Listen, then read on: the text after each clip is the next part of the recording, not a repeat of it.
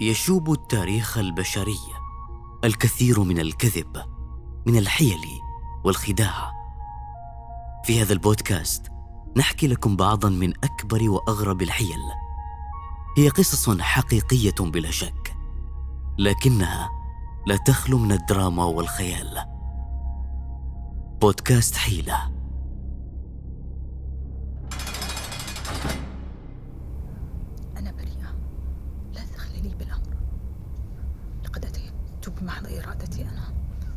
مدينة صقاريا التركية. الرابع عشر من مارس أنا 2018 أنا بريئة تجلس شابة شقراء في العشرين من عمرها في غرفة مظلمة بمكتب الشرطة بتهمة الاحتيال غير المشروط. أنا بريئة. تمسك قلم حبر تهشمت مقدمته من ملامسة سطح الطاولة. تتمتم بكلمات غير مفهومة. أجل لقد أتيت بمحض إرادتي. أنا بريئة. لا دخل لي بالأمر. لقد أتيت بمحض إرادتي أنا. في خارج الغرفة المظلمة أنا نسبيا يتساءل أحد أفراد فريق التحقيق. تسلم نفسها. هل من الممكن أن تكون زوجته ضحية لجرائمه أيضا. ام أنها تدعي البراءة فحسب. وكل هذا مدبر ومخطط. سأدخل.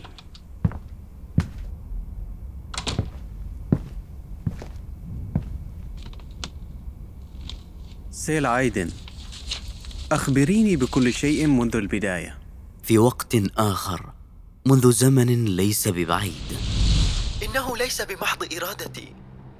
يجب علينا أن نسافر. محمد لا أريد ترك كل شيء هنا والرحيل هكذا. كأن شيئا لم يكن. أهلي هنا أصدقائي هنا وحياتي كلها هنا. سنعود. تركيا وطننا. لا يمكنني نسيان طفولتي. فأنا لم أكن دوما هكذا. غنيا ومترفا أسافر كما يحلو لي. وأشتري ما تتمناه نفسي. أعلم أين ترعرعت وكيف كنا نعيش في بورصة. بؤساء بلا طموح ولا أمل. نخلق التعاسة حيث كنا. غير مبالين بما يحدث من حولنا. ببساطة لأنه لا جدوى من الأحلام. الأحلام طريق نهايتنا. وهذا أكثر ما يحيرني. أن تصبح مجرما بعد كل هذا. أن يكون هذا طموحك. وهذه سجيتك. سجيتي؟ ألست من تنعم بمالي؟ مجوهرات وسيارات وأملاك وسفر؟ أنا لست مجرما. أنا أريد فرصة فحسب. فرصة فقط ليكون لي ولأمثالي وجود. لكنك لن تفهمي. محمد!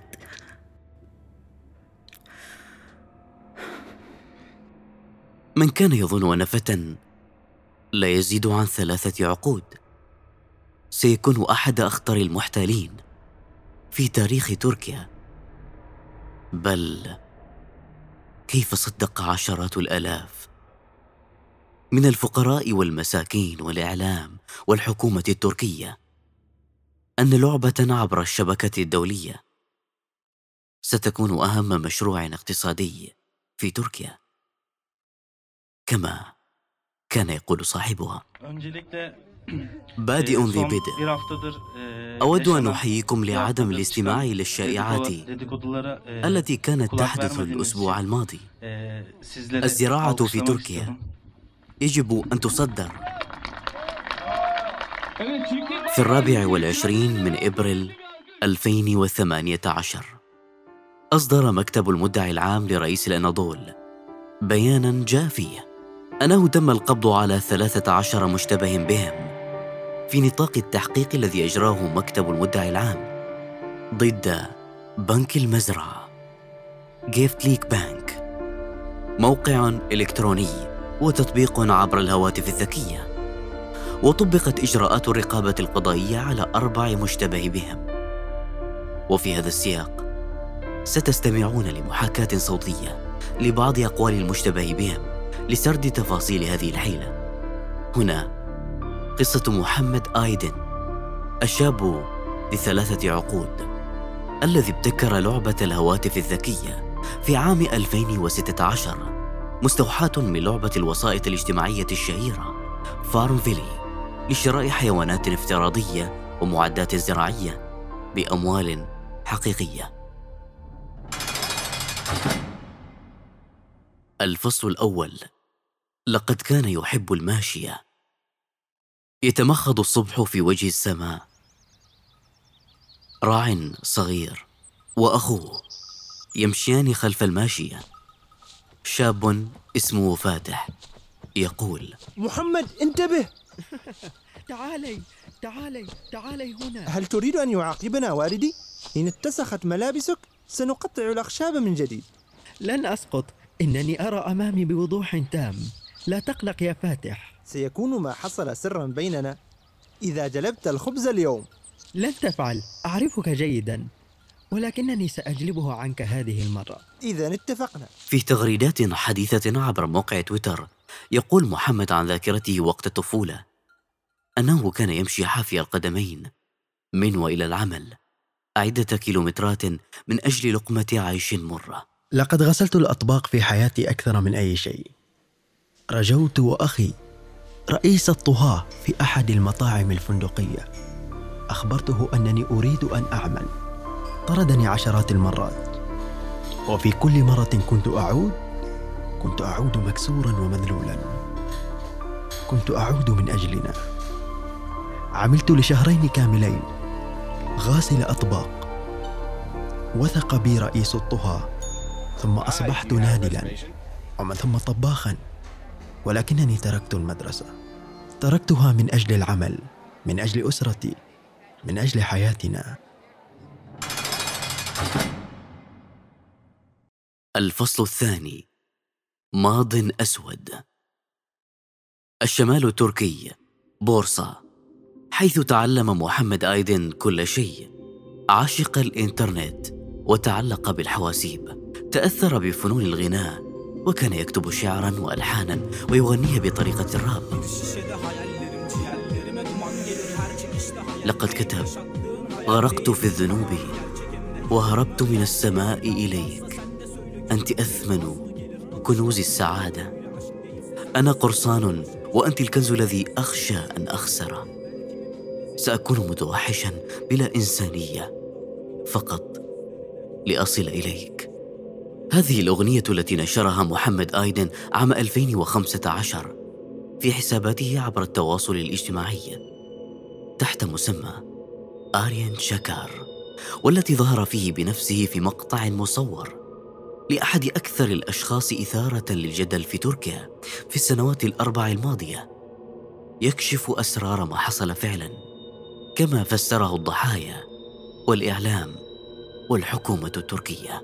كان لمحمد آيدن نفسه تفسير آخر.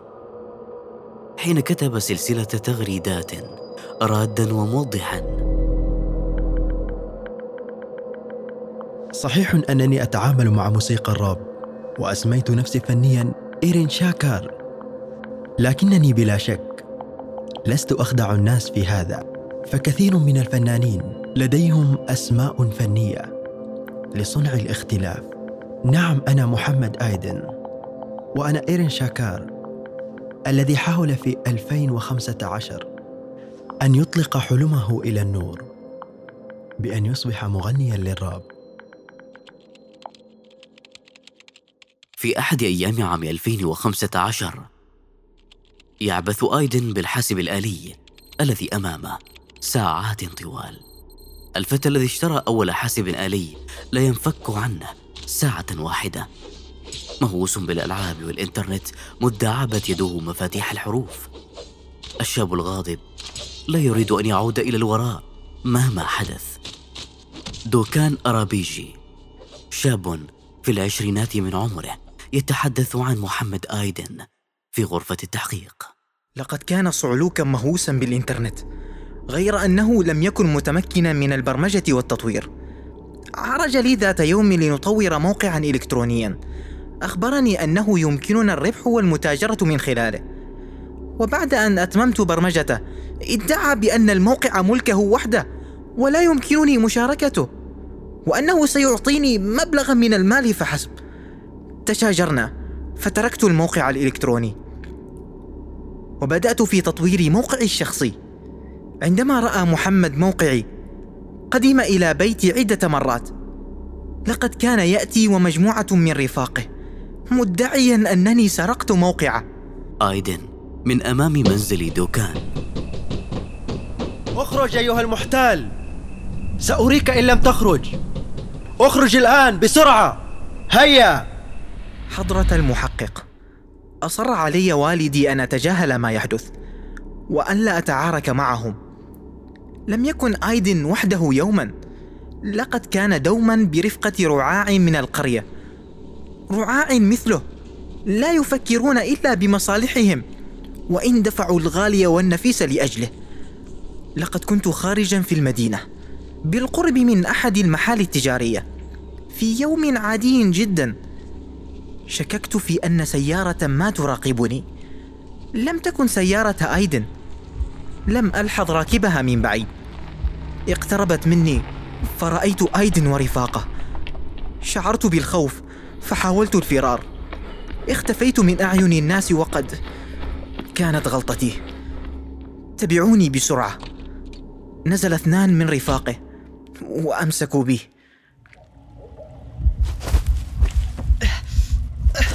ماذا تريدون مني؟ يبحث عنك. آيدن؟ ماذا يريد؟ اتركني! أخبرتك أن تتركني! تتصل بالشرطة ها؟ هيا نبدأ. قاموا بتصويري وأنا في حالة مزرية. وقد أرغمت على أخذ المخدرات بالشم. لقد كان حالي مؤسفا. صوروني بطريقة مخلة. أعطني الرقم السري للموقع. ولا تنبس ببنت شفا. أريدك أن تصمت فحسب. وتنسى ما حدث هنا. انسى الأمر برمته. أعطيته الرقم السري. أخذ موقعي وكرامتي. عدت إلى المنزل مضروبا مهددا ومكرها. أجبرني والدي على الاتصال بالشرطة. فهنالك أدلة على فعلة أيد ورفاقه. وقد فعلت. نعم. سجن آيدن بتهم جنائية سابقا. أذكر أنه قد اتهم بخمس جرائم ارتكبها ضد المدعو دوكان آرابيجي تهديد وابتزاز وسرقة وإكراه واعتداء. وقد حكمت المحكمة في نهاية الأمر بعدم كفاية الأدلة. محمد قادر على فعل كل شيء في مثل هذا الحال. سيفكر مليا بالرشوة والاحتيال على القانون. لكنه لم يخبرني قط بفعلته. كان يظهر لي حبه وبراءته من الجرم دائما. لا تسألني عما إذا ارتكب أيدن الاحتيال على أبناء تركيا. أخبرني فحسب متى سيقبضون عليه. الفصل الثالث. لقد ربحت. بورصة تركيا أغسطس 2016 أخبرتك أنه سينجح. ها انظري. لقد حول أحدهم أموالا في النظام. أرني؟ غير معقول.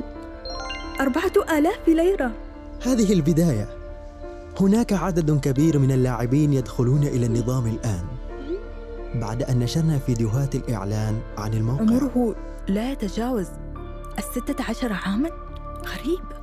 إنهم من كافة الأعمار. انظري. عندما التقيت محمدا أول مرة لم يكن وضعه المادي جيدا. لكنه كان يحاول إنشاء مواقع إلكترونية للربح وقد أنشأ برفقة مبرمج ما. لا أذكر اسمه بالتحديد موقع بنك المزرعة. تقوم فكرته على أن يستثمر الناس في المزرعة الافتراضية أبقارا ودجاجا وبيضا ومواد أخرى من المزرعة ويحصلون فورا على أرباح ونقود حقيقية. نظير استثمارهم. هكذا ببساطة. لقد كانت الأرباح بين عشرين ألفا وثلاثين ألفا يوميا لمحمد. وبما أنه لم تكن هناك شركات في ذلك الوقت فقد تم إيداع الأموال في حسابات محمد الشخصية في إطار عمليات التحقيق تم القبض على يوردا كول المطور الأساسي لمنظومة بنك المزرعة ويعتبر أحد أكثر المتهمين. خطورة في القضية. أنا لا أنكر. لقد استطعت منذ التحاقي ببنك المزرعة أن نضاعف الأرقام بتعديل الأخطاء البرمجية. كانت الأرقام غير متوقعة. هائلة إلى حد كبير. سأسلمكم كافة المصادر البرمجية لتروا. أنا لم أكن برفقة آيدن وقت إنشاء الموقع. إنني موظف فحسب. التقيت به أول مرة في الخامس والعشرين من ديسمبر في عام 2016 وكان قد بدأ بالفعل بنك المزرعة منذ شهور. أذكر أننا سافرنا إلى الأرجنتين في يوليو 2017 كان حري بنا أن ننشئ شركة ونحصل على الجنسية. لقد عملنا لمدة خمسة أشهر حتى نهاية العام. في ديسمبر علمنا أننا فشلنا. لقد استأجر مكتبا من طابقين في بورصة. كان قد استعان بمصادر خارجية لجلب المواد الغذائية من قرى بورصة. باعها كأطعمة معلبة باعتبارها من إنتاج بنك المزرعة. وفي غضون ذلك قدم هذا النظام أيضا أموالا للاعبين. هكذا عمل النظام. كما قام بالتسويق الممنهج عن طريق شركات ووجوه إعلامية بارزة تحظى بالثقة والاحترام من المجتمع التركي. محمد آيدن عبر تغريدات في موقع تويتر يقول قمت بتأسيس بنك المزرعة برأس مال قدره عشرة آلاف ليرة تركية. لقد ادخرت المال لمدة شهرين وأنشأت مزرعة. بمئة رأس. لاحقا في غضون شهر. افتتحنا 250 مزرعة في إنيغول. في هذه الأثناء كانت عملة البيتكوين في أوجها. لذلك وضعتها نصب عيني. ازدادت رغبة المافيا التركية بسرقة وابتزاز الشركة. فقد داهموا مكتبي وطلبوا المال. حاولوا مصادرة كل أموالنا. كما لو أن الأموال التي قدمتها من قبل لم تكن كافية. لم نرضخ لهذا ونقلنا المكتب إلى إسطنبول. سافرت مع عشرة حراس لإبعاد الناس. ليس لأنني أخاف على حياتي ولكن لأدافع عن أموال الناس وحقوقهم. وأعطيت بعضهم نسبة قدرها خمسة بالمئة. لأنني أود توسيع الشركة. في بلدان أخرى. الفصل الرابع.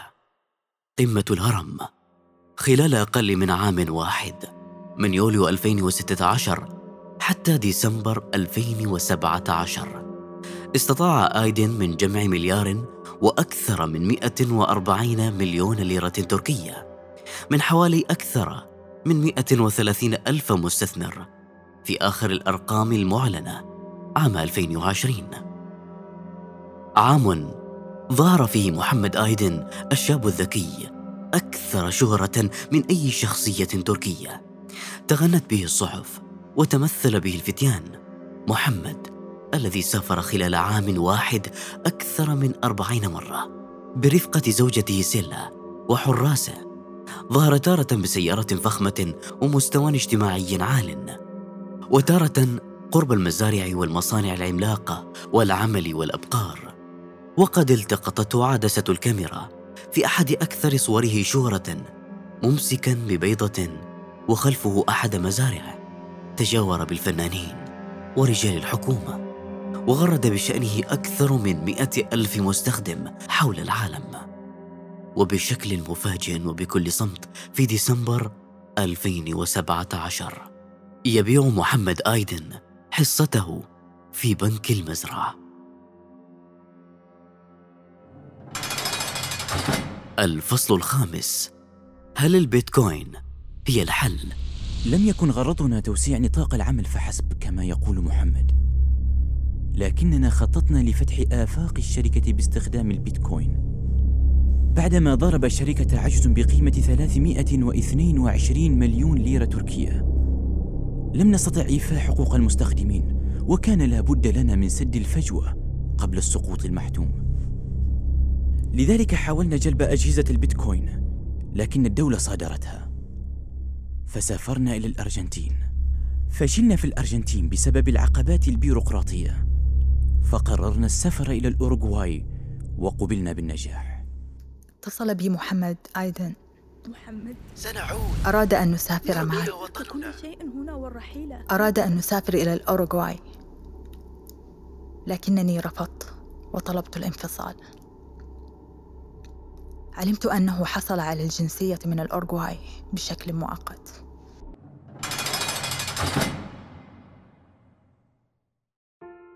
الفصل الأخير. رادار متأخر. قدم سوق المال التركي. CMB شكوى في نهاية عام 2017 بخصوص ممارسة احتيالية من قبل موقع بنك المزرعة. طبقا لهرم بونزي الاحتيالي. بعد أن اشتكى المستخدمون من عدم الإيفاء بمستحقاتهم الاستثمارية. في التاسع من يناير 2018 عبر تغريدة لمحمد آيدن. نعلن إيقاف استقبال لاعبين جدد. عبر نظام اللعبة لغرض التطوير وزيادة أرباح شركاء المستثمرين. في الثالث والعشرين من يناير 2018 سجلت كاميرات مطار صبيحة كوكجان الدولي هروب محمد آيدن الرئيس التنفيذي لبنك المزرعة إلى أوروغواي أمام مرأى من الجميع. ألقي القبض على المبرمج يوردا كول بتهمة إنشاء منظمة لغرض ارتكاب جرائم والاحتيال المالي من خلال أنظمة المعلومات أو البنوك أو مؤسسات الائتمان وتهم أخرى بعد أن ثبت أنه التقى بآيدن في الخامس من مارس 2018 في البرازيل. أي بعد تقديم الشكوى وبعد اتهام البنك بغرض الحصول على التعليمات الجديدة وقد استمر المبرمج بارتكاب جرائم احتيالية وفق تعليمات آيدن ولكنه أراد أن يستسلم في النهاية ليخفف الحكم. آيدن عبر تغريدات أخيرة من ساو باولو البرازيلية. تعرضت للخيانة من الجميع شركائي وزوجتي. سرق مني الملايين وألصقت بالتهم. أعدت أموال أغلب المستثمرين وكنت أعمل على إعادة أموال البقية باستخدام أحدث تقنيات المال. البيتكوين. لكن الحكومة هاجمتني. وصادرت أموالي وممتلكاتي. كيف لي أن أعمل؟ جعلوني كبش الفداء. لكنني سأعمل حتى اليوم الأخير. لإعادة حقوق الناس لمواصلة العمل. إذا خسرنا يوما فقد خسر جميع أعضائنا في الشركة. لذلك على الدولة التي استحوذت على أصولنا أن تعيدها لأصحابها لتعويضهم. تم الإفراج عن زوجة آيدن وعناصر أخرى في التنظيم. ما زال محمد آيدن حرا طليقا حتى الآن.